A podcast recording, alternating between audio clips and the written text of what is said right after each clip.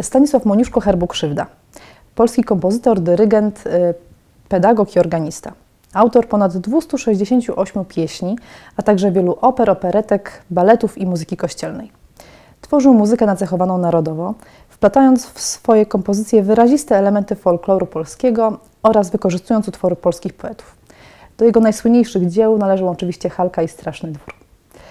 E, Dziś spotykam się z doktorem Ignacym Zalewskim z Uniwersytetu Muzycznego w Warszawie. Bardzo miło, dzień dobry. Dzień dobry, miło mi, że nas Pan dzisiaj odwiedził. E, Sejm ustanowił rok 2019 rokiem Stanisława Moniuszki. W przyjętej uchwale podkreślono, że dorobek kompozytorski Moniuszki imponuje różnorodnością, bogactwem melodycznym i głębokim zakorzenieniem w narodowej tradycji muzycznej. W tym roku przypada 200. rocznica urodzin y, Moniuszki. Niektórzy uważają, że jest to taki kompozytor wielki, ale zapomniany. Tymczasem jego dorobek, jego geniusz, jego historia i wkład w polską historię y, chyba można uznać, że nie odbiega od wkładu na przykład Chopina. Można tak uznać i myślę, że trzeba tak uznać, jakkolwiek nie jest to wkład, który zawsze był widziany i doceniany. E, powiedziałbym nawet więcej, że to jest wkład zazwyczaj niedoceniany. E, Moniuszko e, ze swoją twórczością, jak wyraził się kiedyś Jarosław Iwaszkiewicz, e, jest zapędzany przez nas w kąt do piekarni i na zapadłą prowincję e, i mało kto chce dostrzec w nim prawdziwego artystę poetę. A jest właśnie, tak jak nazwał go Iwaszkiewicz, był artystą poetą. E, poetą, e, piewcą, e, wieszczem w jakimś sensie. Lubimy to słowo w, związane z twórczością naszych wieszczów właśnie romantycznych w literaturze, w muzyce. Tym wieszczem obok Chopina, myślę, można by właśnie nazwać Moniuszkę. Jego dorobek jest bardzo duży, jest różnorodny. O tym też na ogół się zapomina, albo po prostu nie wie, dlatego że, tak jak pani wspomniała, no, zna się Halkę i Straszny Dwór. Natomiast całego szeregu innych jego oper, e, których jest dużo. To, to nie jest jeszcze jedna czy dwie opery, to jest e, dziewięć oper, e, operetki, rzeczy nieukończone, szereg utworów orkiestrowych, który, o których tak naprawdę części nie wiemy. Na przykład jest taka uwertura Kain, nie, nie, nie znam losów partytury. Znamy tylko tak naprawdę uwerturę fantastyczną Bajka. E, Swego czasu, w ogóle dość popularną, to, to jest utwór grywany. No i pieśni, ale też kilka pieśni. Z tych, y, jak pani podała tę te, te liczbę 268 pieśni, no kto zna 268? Oczywiście Tak. to też nie o to chodzi, żeby znać 268 pieśni Moniuszki, no ale więcej niż trzy to by myślę wypadało. E, a też na ogół to są takie pieśni, które funkcjonują obiegowo od lat. E, Przęśniczka, prawda? E, czy może Dziad i Baba. Mm, no, nie wiem, Morel, to bardzo piękna pieśń skądinąd. Natomiast jest w jego dorobku też szereg innych pieśni, które domagają się e, wykonywania, domagają się popularyzacji, a w ogóle popularyzowane nie są, rzadko wykonywane. Zresztą to jest właśnie problem e, muzyki Moniuszki, jaki z, nie, jaki z nią mamy, że jej nie znamy. To jest po prostu ten podstawowy problem. Nie znamy. Przez lata myślę też, że poniekąd nie chcieliśmy poznać, bo Moniuszko miał w rozumieniu naszego takiego narodowego kompleksu przynajmniej tę wadę, że nie został uznany za granicą, na Zachodzie. Bo rzeczywiście w takiej formie, w jakiej został uznany Chopin, Moniuszko uznany nie został. Moniuszko podejmował e, pewne zagraniczne wojaże, na przykład do Paryża, ale one nie przyniosły takich skutków, jakie by sobie wymarzył. E, był kompozytorem znanym za granicą, ale głównie w, Ros- w zaborze rosyjskim, w Petersburgu, był też wystawiany na przykład w Pradze, natomiast właśnie nie osiągnął tego sukcesu e, zachodnioeuropejskiego, co myślę, że jest jedną z przyczyn, dla których my sami nie, potrafilibyśmy, nie potrafiliśmy go przez dziesięciolecia, przez wieki już e, docenić. Bo y, sami siebie trudno doceniamy, jesteśmy bardzo krytyczni wobec samych siebie, no a jeżeli nie mamy tego, e, tego sprawdzenia z zewnątrz, czy, czy my na pewno aby się nie mylimy co do tego Moniuszki, bo no, fakt, melodie ładne, ale za granicą jakoś nikt tego nie potwierdził. To czy to może być prawda, że my możemy się nie mylić co do własnej wartości? Wydaje mi się, że to jest jeden z tych, z tych przyczyn, dla których Moniuszko, y, poeta dźwięku, będący kompozytorem no, polskim, czy związanym z y, powiedzmy dziedzictwem pierwszej Rzeczypospolitej, bo to też jest istotne, bo Moniuszko jest ważny i dla Litwinów, i dla Białorusinów, e, no dla Polaków oczywiście e, twórca opery narodowej, tworzący e, do tekstów w języku polskim, no i łacińskich oczywiście. E, jeżeli mówimy o muzyce kościelnej, o mszach na przykład, też niezbyt znanych, a napisał szereg cykli mszalnych. Ja tak wymieniam, prawdę mówiąc, co, co mi przychodzi do głowy z tych utworów, mhm. które nie są znane, bo wydaje mi się, że mm, to, co mogłoby być najciekawsze dzisiaj, to przedstawienie Moniuszki właśnie w tym kontekście tego, z czego nie, nie jest znany. Bo to, z czego jest znany, to my dobrze wiemy. Mhm. Znaczy, mamy taki jakiś ułożony w głowie, że to jest takie trochę ludowe, że to jest takie bardzo polskie, to jest narodowe i to wszystko prawda. I to jest jego wartość, to jest piękne.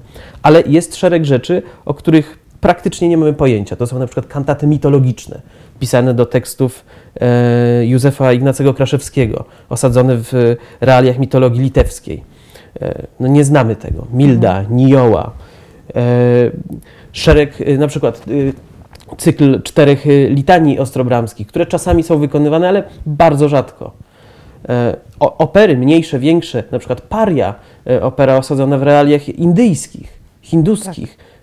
którą, która z kolei też jako taka ilustruje problem Moniuszki, jaki on sam chyba w sobie diagnozował, że nie ma tego uznania na Zachodzie, więc być może to dlatego, że jest zbyt lokalny w treści, no to dlatego poszukał czegoś uniwersalnego i napisał parię. To się nie spodobało w Warszawie. Sam paria zszedł z afisza bardzo szybko. E, I no i do dzisiaj tak naprawdę na niego dobrze nie wrócił. Jest jedno pełne nagranie tej opery. E, mam nadzieję, że przy okazji roku Muniuszkowskiego tego typu zaległości zostaną nadrobione. Zresztą samej Halki też nagrań nie ma przesadnie wiele, podobnie jak Strasznego Dworu. Więc mamy dużo do nadrobienia nie tylko w kwestii e, dzieł nieznanych, które bym tu szczególnie polecał, żeby dobrze zrozumieć postać Moniuszki całościowo, a nie tylko wyrywkowo, na podstawie właśnie dwóch jakichś pomnikowych dzieł. Bo co byśmy wiedzieli o Chopinie, gdybyśmy znali tylko dwa koncerty fortepianowe? Przecież to jest wiedza dalece niepełna.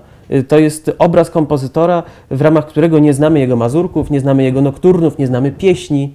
To, to, nie jest ten sam cały kompozytor, to jest jakiś półkompozytora, jakiś erzac. Moniuszko cały to jest Moniuszko autor nie tylko Helki i Strasznego Dworu, ale także pozostałych oper, większych, mniejszych, pozostałych poza tymi najbardziej znanymi e, pieśniami, utworów właśnie wo, e, wokalnych, e, autor utworów kościelnych, autor baletów, które w ogóle nie są znane, na przykład na kwaterunku.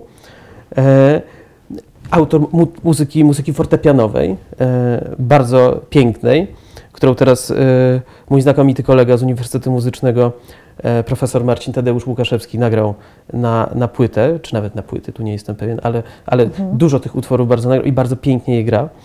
E, I też domagają się, domagają się popularyzacji i tego, żeby właśnie zobaczyć w Moniuszce artystę, poetę e, i zobaczyć w nim kompozytora, którego dorobek jest imponujący, bogaty, różnorodny. No i w zasadzie mógłbym dalej zacytować ten fragment uchwały Sejmu, który Pani podała.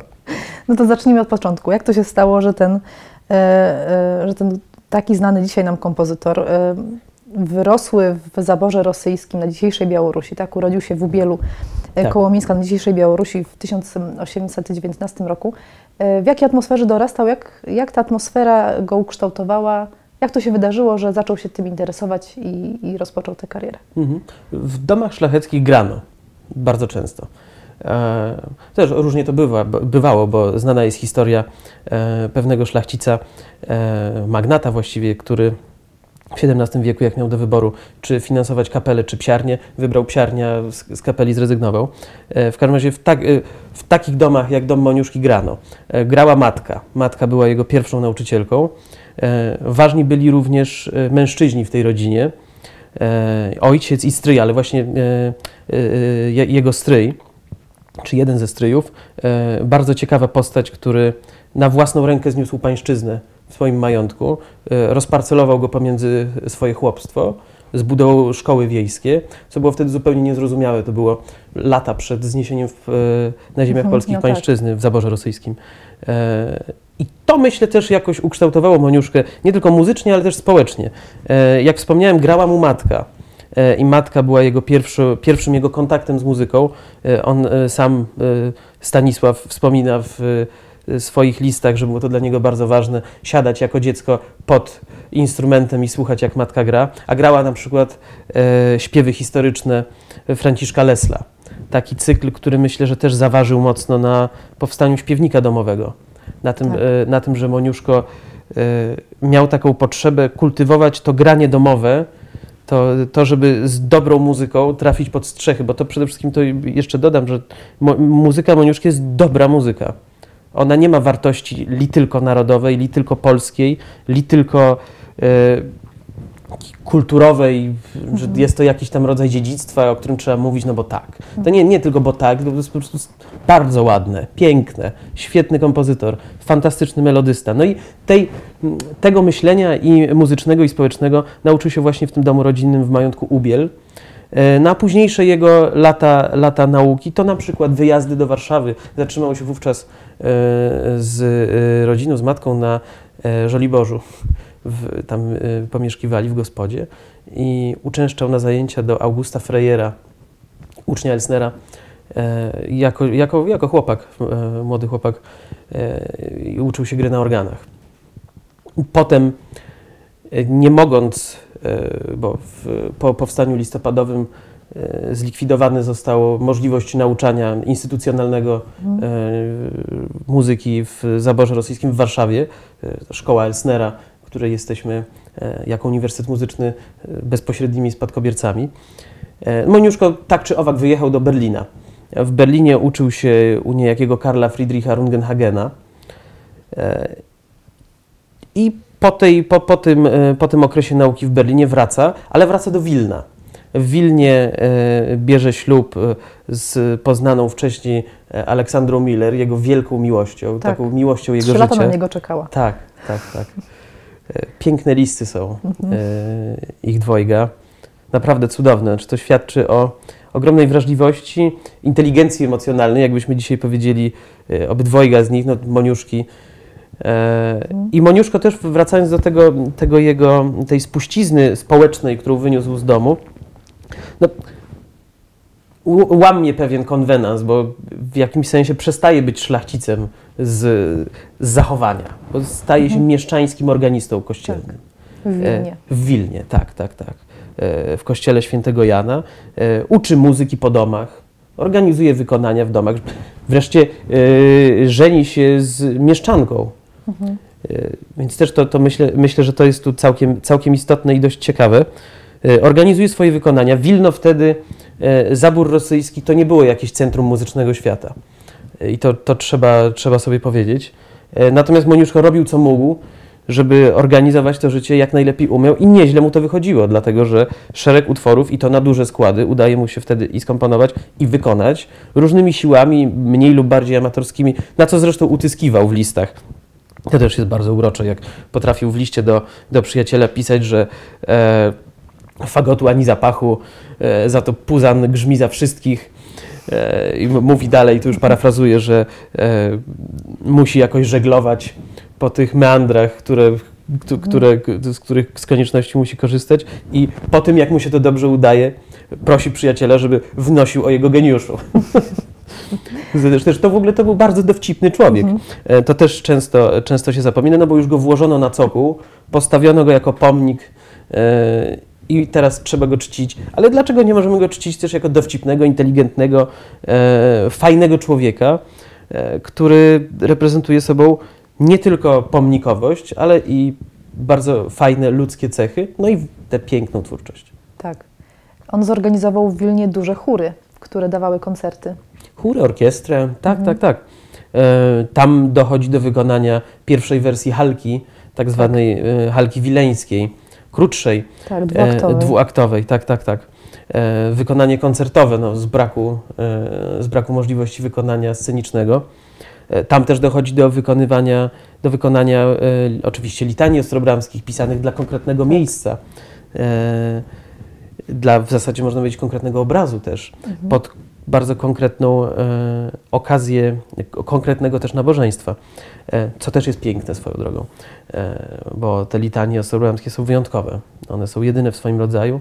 Nie znam drugich takich litanii w literaturze, zresztą w ogóle nie znam drugiej takiej twórczości jak twórczość Moniuszki w całej literaturze XIX wieku.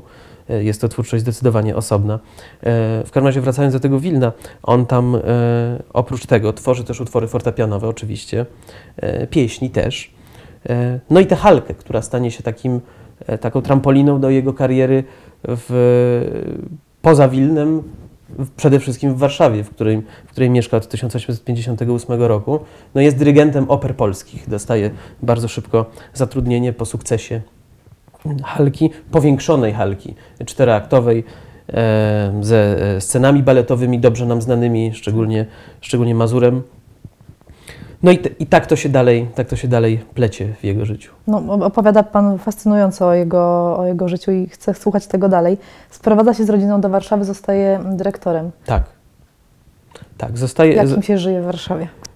No myślę, że generalnie to im się nie żyło bardzo źle, aczkolwiek trzeba pamiętać, że to jest, że to była rodzina wielodzietna i to taka bardzo wielodzietna. Właśnie. Oni się doczekali dziesiątki dzieci. Mhm. E, I mieszkali w mieszkaniach to pewnie były duże mieszkania, e, ale, no, ale to nie były, jakieś, nie, nie były to jakieś pałace. Moniuszko pracował bardzo dużo i bardzo ciężko. E, dużo dyrygował, bardzo dużo komponował. E, komponował opery w Warszawie. Komponował oczywiście również, no, jakby to wszystko, co zaczął robić w Wilnie, robił też w Warszawie, tylko powiedzmy, że już na trochę większą skalę. Próbował też zadbać o jakiś rozgłos swojej twórczości za granicą.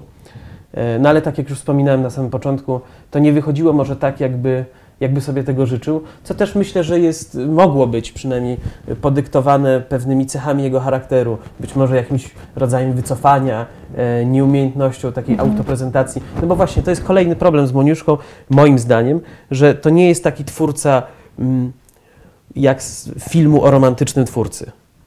To nie jest człowiek z rozwianą burzą włosów w cylindrze, który idzie przez ciemne miasto, e, zarzucając biały szal na szyi e, i myśląc o tym, akurat wtedy idąc, jak to skomponuje swoją kolejną rewolucyjną operę albo symfonię. No nie. No po prostu nie. I to jest też coś, z czym powinniśmy się jako Polacy pogodzić, że nasz e, twórca romantyczny e, pierwszej wody to był człowiek ciężko pracujący, ciężko komponujący, wstawał każdego dnia bardzo wcześnie, potem szedł na, na poranną mszę, kazał córce zatemperować ołówki, bo nigdy się sam nie nauczył, z jakiegoś powodu, nie wiem. E, I potem pisał od rana. Miał zajęcia e, na jednej z poprzednich form Uniwersytetu Muzycznego e, w Warszawie. E, uczył harmonii, napisał nawet podręcznik do harmonii, e, prowadził chóry. E, więc tych aktywności był szereg. E, dyrygował też e, innymi operami niż własne, aczkolwiek takimi, które mu się podobały. A na przykład szczególnie lubił takiego francuskiego, dzisiaj już mniej znanego twórcę, ale w XIX wieku bardzo popularnego, Daniela François Esprit Aubera. To był jego ulubiony, jeden z ulubionych kompozytorów.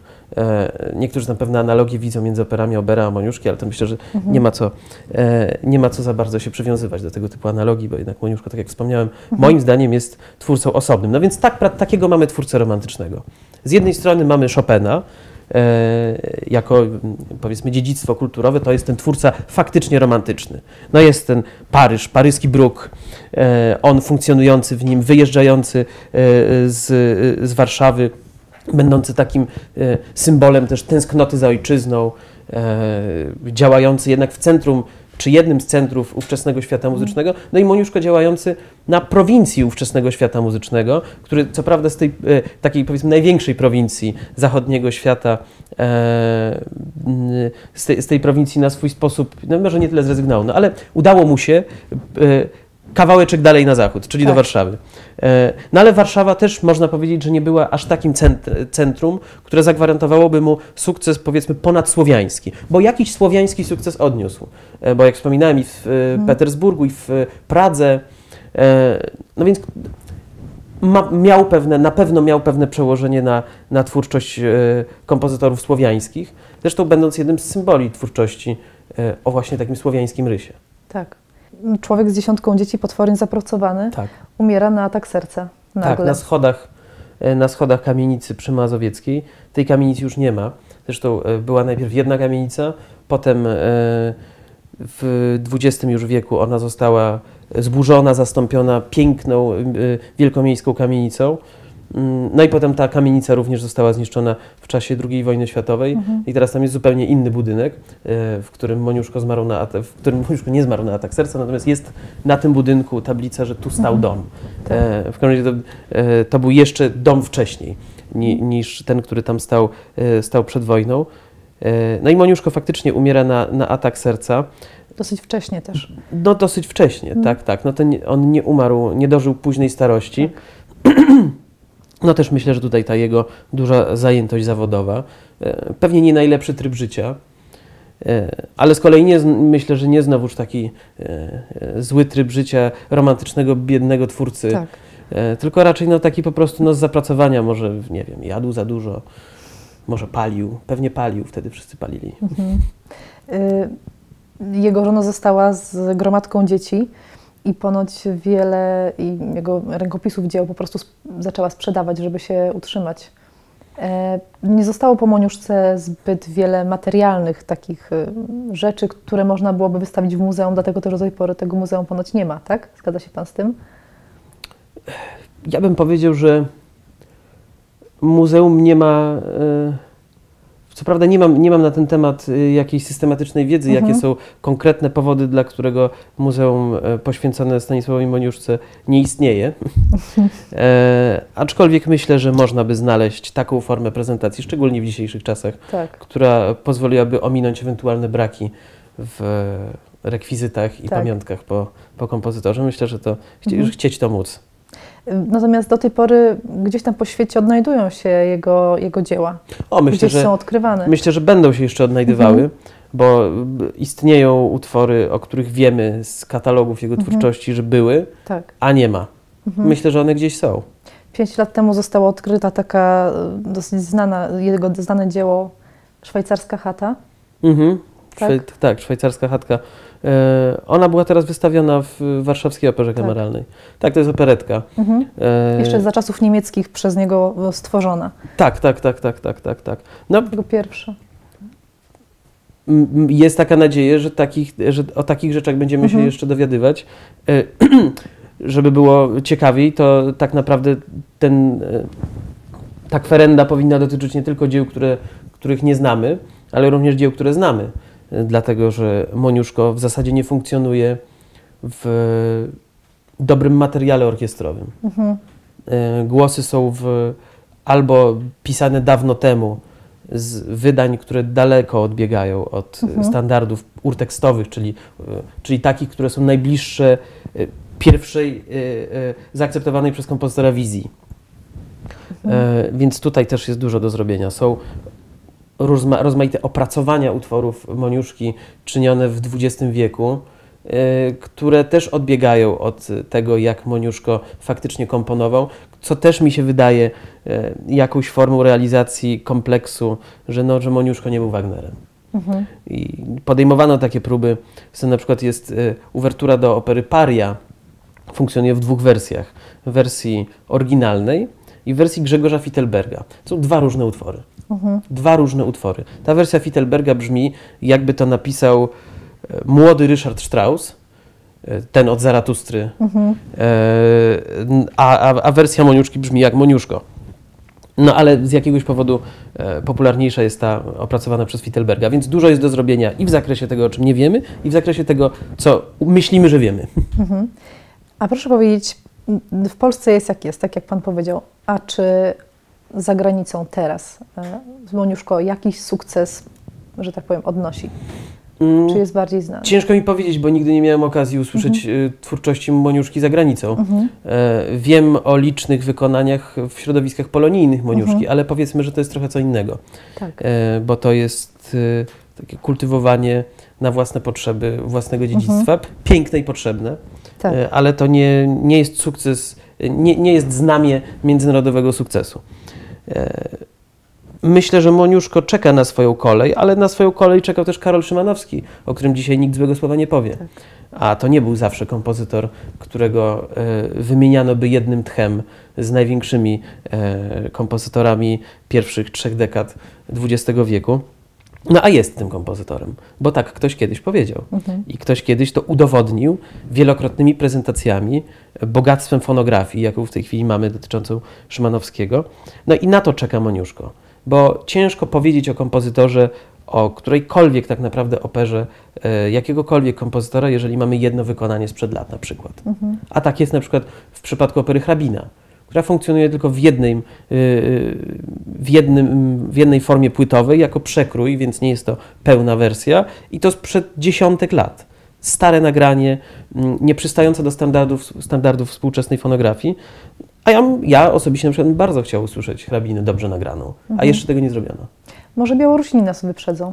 Oni kochają Moniuszkę, uważają go za swojego bohatera narodowego. To prawda, podobnie jak Kościuszkę też uważają za swojego bohatera narodowego. Ponoć No. dworek w Ubieli będzie wyremontowany. To bardzo miłe z ich strony.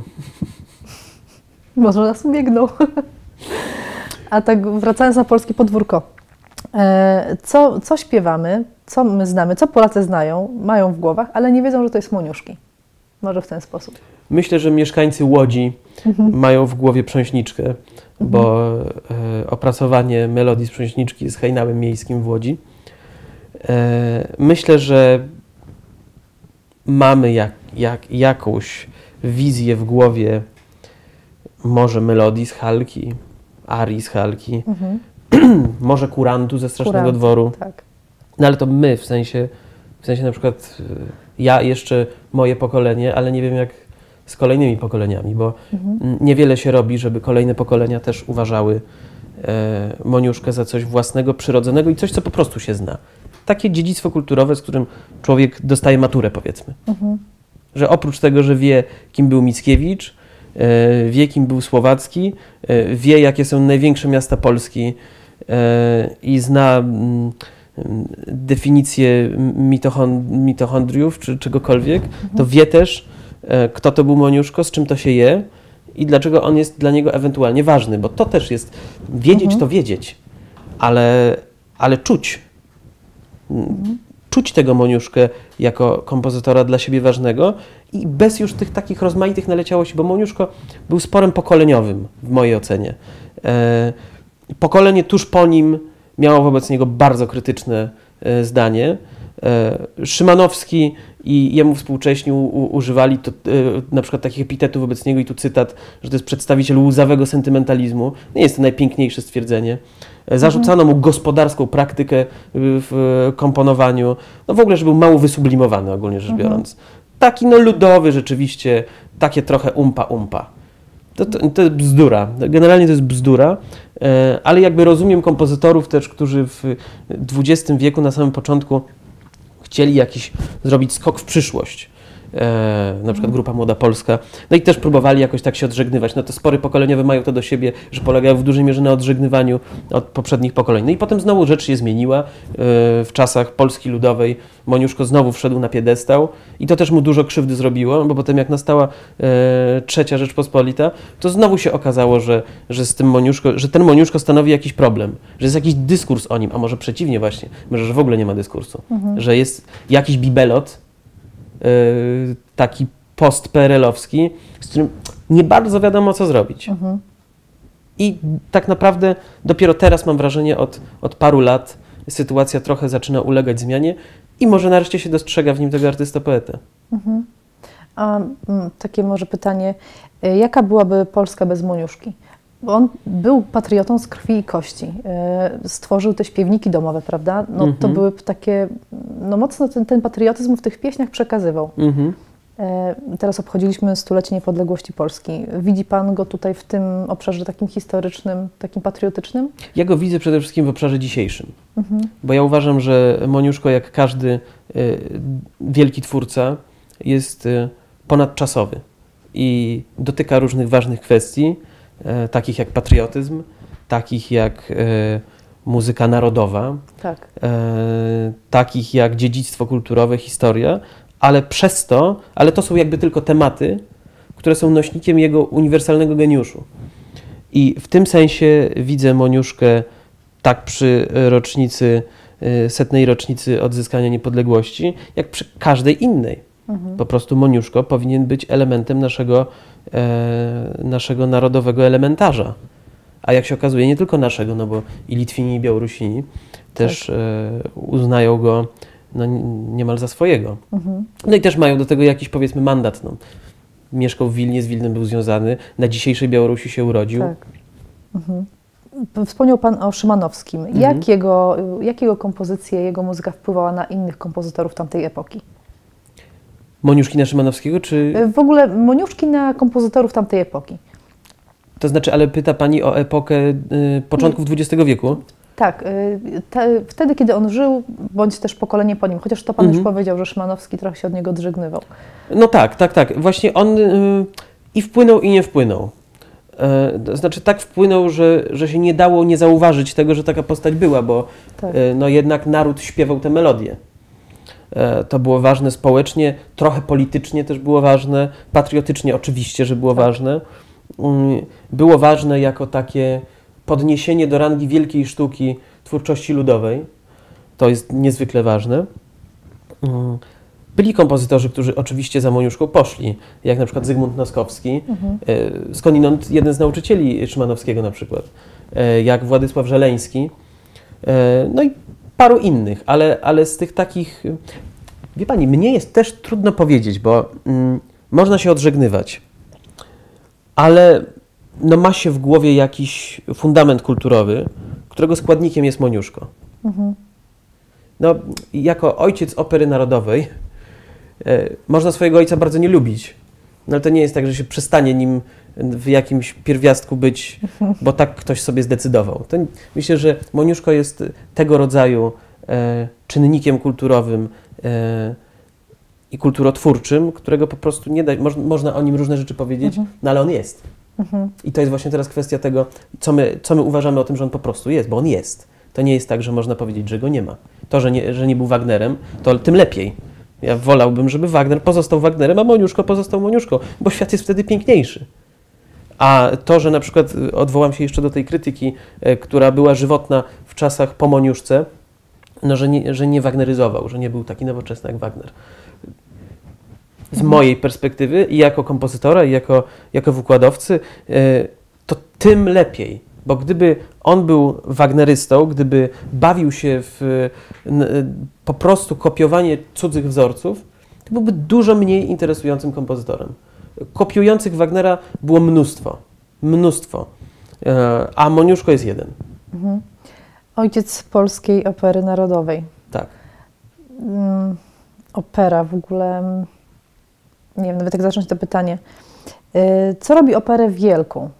Mam takie pytanie. Jakie frazy muzyczne czyją, czynią ją dziełem? Jak Mm. oglądać operę? To jest dobre pytanie, e, bo opera ma te, to piękno w sobie, ale i myślę, że pewną poznawczą przeszkodę dla ludzi, którzy na przykład nie chodzą do opery od tak zwanego zawsze, Mhm. e, no, że jest to sztuka, dziedzina sztuki silnie skonwencjonalizowana. Mhm. I słuchacza, odbiorcę może odrzucać na przykład to, że w halce e, bohaterowie potrafią do siebie zaśpiewać ja kocham cię, ty kochasz mnie, odpowiada drugi bohater. Bohaterka mówi ja kocham cię, ty kochasz mnie, ja kocham cię, ty kochasz mnie. No i tak sobie śpiewają przez dłuższy czas. Można zadać pytanie, a po co oni tak to powtarzają? Mhm. Że nie to po prostu raz powiedzieć, no już wiem, dobrze, on kochacie się, dobrze, przejdźmy dalej. Jak, jaki jest dalszy punkt programu? Co będzie dalej ciekawego? No bo to jest element tej konwencji, element też e, sztuki operowej, e, element tego, w jakich warunkach i dla kogo powstawała wtedy opera. Ludzie dużo więcej wtedy gadali w teatrze. Dzisiaj nam się to wydaje, no dzisiaj się nie gada w teatrze, a wtedy się gadało. To ktoś może raz usłyszy, jak powtórzył siedem razy, ja kocham cię, tego aż mnie. Mhm. E, już abstrahując od tego, że to jest bardzo piękne, e, bo poza powtarzaniem tekstu akurat w tej jednej scence, ale i w szeregu innych, e, to jest bardzo dobrze umuzycznione. E, więc y, jak oglądać operę? Ja bym powiedział, że bez kompleksów. E, to znaczy, jak y, ktoś idzie na przykład na operę pierwszy raz, to musi się liczyć z tym, że może mu się to bardzo nie spodobać. I myślę, że nie ma co mieć jakichś szczególnych e, oczekiwań co do takiej na przykład pierwszej wizyty w operze. Z drugiej strony, bo myślę, że wtedy też łatwiej docenić cokolwiek. Z drugiej strony, jak człowiek już idzie zniechęcony, bo już coś słyszał, że to będzie takie nudne, że będziemy tam trzy godziny siedzieć, no to też to nie jest, nie jest powiedzmy, myślę, najlepszy punkt wyjścia. No, to jest coś takiego, że jako kultura europejska mamy coś takiego jak operę. E, I jak wszystko, co obarczone jest, czy co po prostu ma e, wielowiekową historię i tradycję, ma swój konwenans i, no i konwencję właśnie. E, I to można albo zrozumieć i starać się zobaczyć, dlaczego setki tysięcy ludzi na całym świecie kochają operę, lub, lub tego nie chcieć zrozumieć. Ja polecam chcieć to zrozumieć, mimo że zdaję sobie sprawę, że jest to trudne, natomiast również piękne, dlatego że opera łączy, mm, to nie, opera to nie tylko muzyka, opera to muzyka, ale opera to również aktorstwo, e, opera to również scenografia, opera to wreszcie historia, która jest opowiadana. E, Moniuszko akurat miał e, zazwyczaj szczęście do niezłych libret. I mm, libretto na przykład do Halki samo w sobie jest kongenialne. Podobnie do Strasznego Dworu. To jest piękne, piękny kawał literatury i to jak na libretto operowe, które generalnie e, nie zawsze, nie zawsze są najlepsze, powiedzmy. Też wydaje mi się, że nie jest chyba najcudowniejszym pomysłem, ale to jest moje prywatne zdanie, chodzić e, z dziećmi ze szkoły podstawowej na operę, w ogóle jakąkolwiek, bo to nie jest sztuka dla dzieci. W dzisiejszych czasach, kiedy możemy pójść z dziećmi na spektakle przeznaczone dla dzieci, to myślę, że to jest dużo lepszy wstęp do w ogóle świata teatru, świata sztuki, niż chodzenie na, na, mm, na przedstawienia, które po prostu nie są dla danego odbiorcy przeznaczone. Więc ja bym, ja na przykład, y, ja operę, ta, operę tak naprawdę, e, tak naprawdę polubiłem, pokochałem w liceum. A w, pamiętam, jak, jak biegałem po, po lożach w Teatrze Wielkim, jak poszliśmy kiedyś na Straszny Dwór z klasą w drugiej klasie szkoły podstawowej. W ogóle mnie to nie interesowało, ale wcale. I moich kolegów i koleżanki też to nie interesowało, ale trudno, żeby interesowało. Mhm. 30-osobowa klasa, przychodzimy na operę. No jest fajnie, że, przyszli, że wyszliśmy ze szkoły razem. To jest fajniejsze niż nam jakaś opera. No i potem jeszcze jakoś o tym rozmawiać. Mhm. To jest dla, dla dojrzalszych ludzi po prostu. E, zbyt ważne to jest, żeby e, pozwolić się dziecku do tego zniechęcić na wczesnym etapie, które potem być może już nigdy po operę nie sięgnie. Właśnie. Jaki procent Polaków było w operze, chodzi do opery? Zna Pan statystyki? Boże, nie znam. A Pani zna? Nie znam. Podejrzewam, że jakieś jednocyfrowe. No. Procenty. Pewnie tak. E, tutaj też rozmawialiśmy o tym, ile procent uczniów zna w ogóle nazwisko Moniuszko im, im młodsi, tym gorzej. Mhm, Im młodsi, tym gorzej. I teraz sama mam dwoje małych dzieci, zastanawiam się, jakim tego moniuszkę albo w ogóle taką, takie, takie dzieła podsuwać, żeby y, ich nie zniechęcić.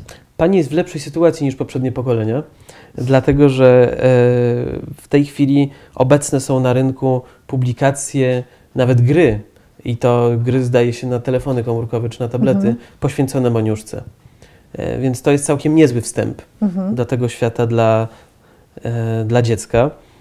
I myślę, że to tędy droga. I, I też przez pieśni. Przez pieśni, właśnie. Przez pieśni te takie, im, e, im śmieszniejsze, tym lepiej. A Moniuszko miał ten nerw mhm. humorystyczny. Na przykład Dziad i Baba wydaje mi się, że jest bardzo śmieszną pieśnią. Mhm.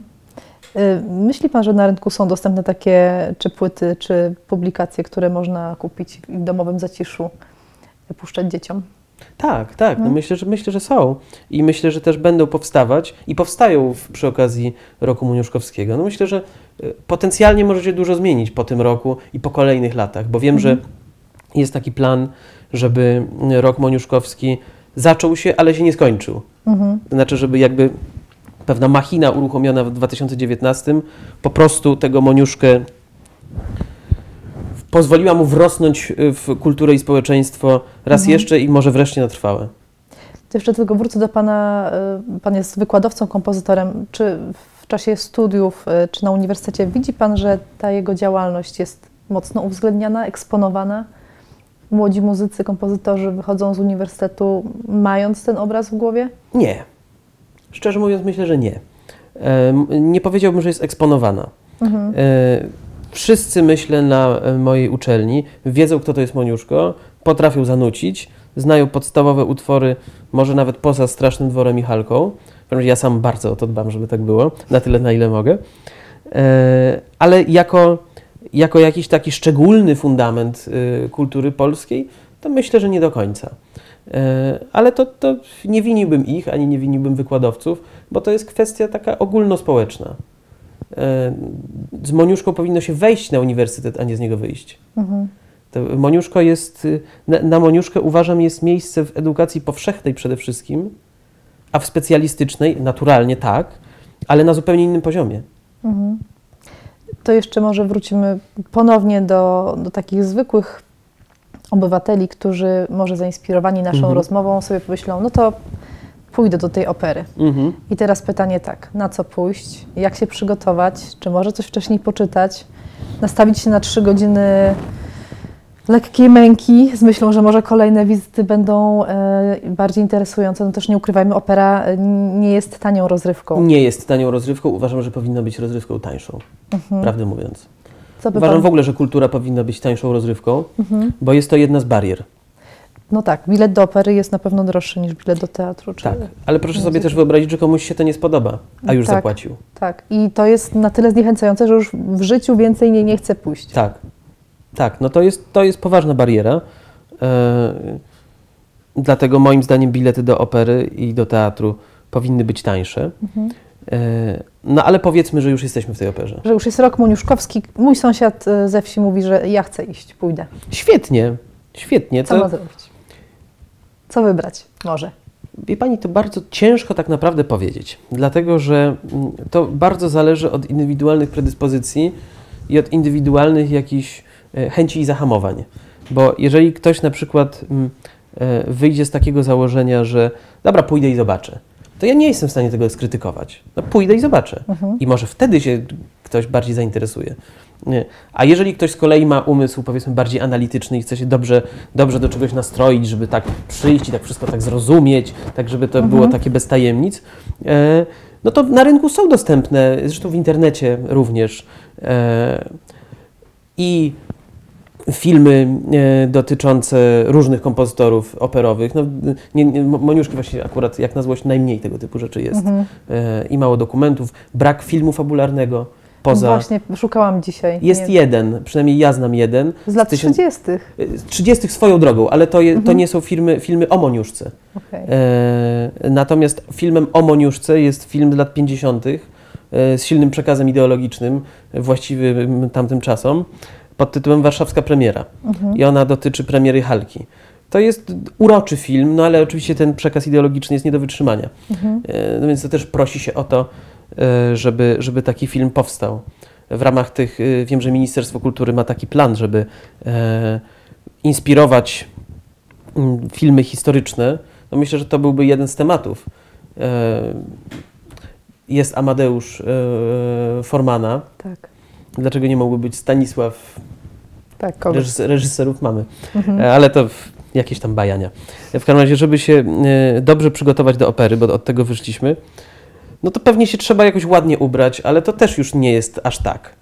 Kiedyś to było bardzo tak, ale już dzisiaj nie. Dzisiaj wystarczy pójść tak, jest dużo tak zwanych casuali, mhm. którzy tak sobie po prostu chodzą i są przez to fajni. Mhm. Więc to można po prostu do opery pójść. No wiadomo, że nie w ubłoconych butach i no, jakoś tak się przede wszystkim ubrać, żeby się źle samemu nie czuć, bo to o to chodzi. Mhm. Nie żeby się zaprezentować i pokazać, że się poszło do opery pięknie ubranym, tylko żeby się samemu dobrze y, wśród innych czuć. No, nastawić się na to na przykład, że może być źle widać, że to nie jest telewizor, to nie jest Netflix. Mhm. E, to jest duży teatr, jeżeli mówimy o, o, o, Warszawie, no ale generalnie teatry operowe są raczej duże niż małe, z wyjątkiem oper kameralnych. No ale powiedzmy, że idziemy na dużą operę. Więc na to trzeba się nastawić. Można za parę złotych wypożyczyć lornetkę, co w ogóle polecam, bo to jest ciekawy, śmieszny gadżet. Można podejrzeć parę różnych rzeczy. Mhm. E, szczególnie jak komuś by się bardzo nudziło, to wtedy taka lornetka jest e, dobrym pochłaniaczem pozornie traconego mhm. czasu.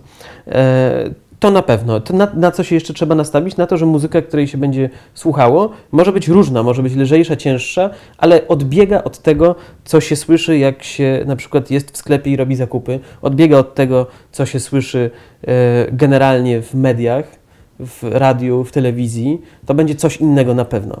No i to też wymaga pewnego namysłu ze strony tego, który na taką operę pójdzie, a nie był.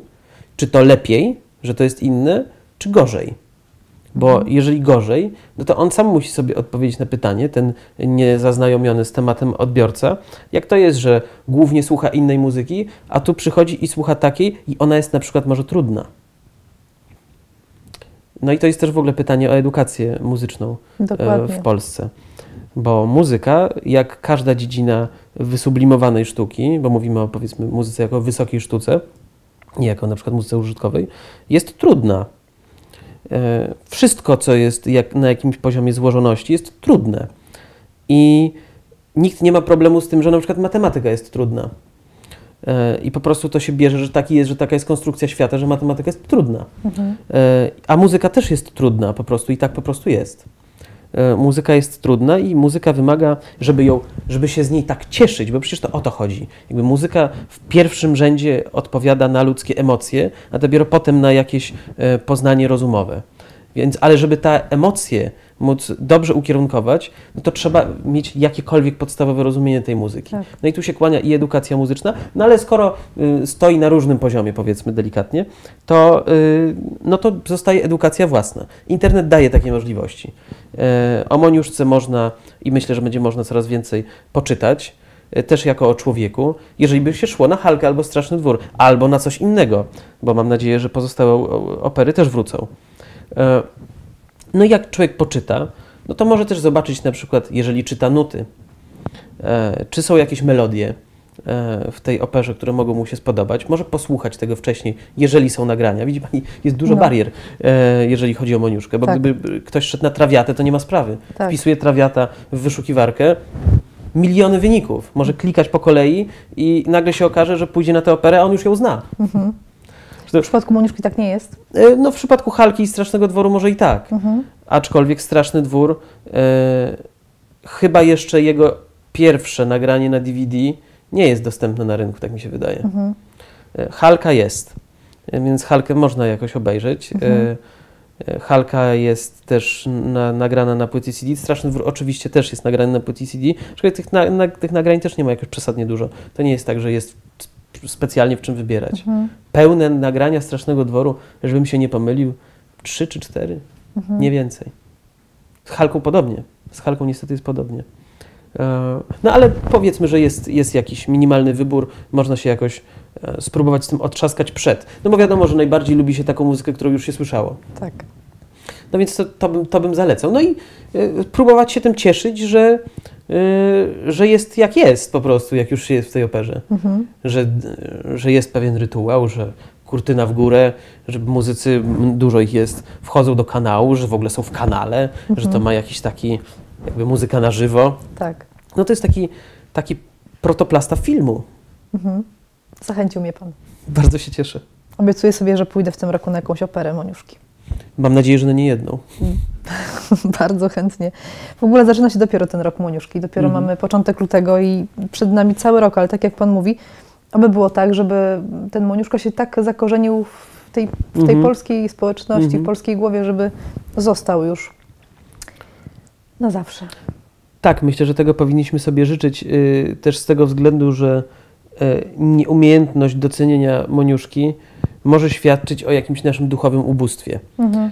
A ja bym chciał, żebyśmy byli jednak y, duchowo maksymalnie bogaci i elementem tego bogactwa, moim zdaniem, jednym z kroków do tego bogactwa jest umiejętność docenienia tego, co mamy, z całym dobrodziejstwem inwentarza i z, ze zrozumieniem, że my jesteśmy Polakami i my mamy Moniuszkę.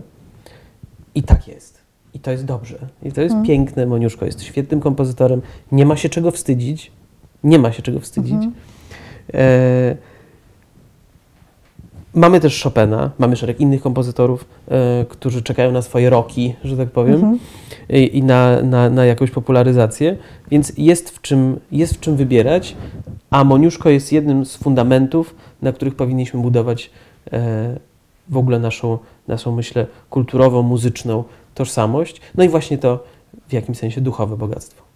I też pewnie taki patriotyzm, taki patriotyzm jutra, o którym, o którym w swoich pieśniach mm, Moniuszko pisał, mówił. Mm, Tak, no ja myślę w ogóle, że e, nie ma innego patriotyzmu niż patriotyzm jutra, e, jeżeli już e, Mhm. trzymamy się tego terminu, w tym sensie, że przeszłość jest kluczem do zrozumienia przyszłości.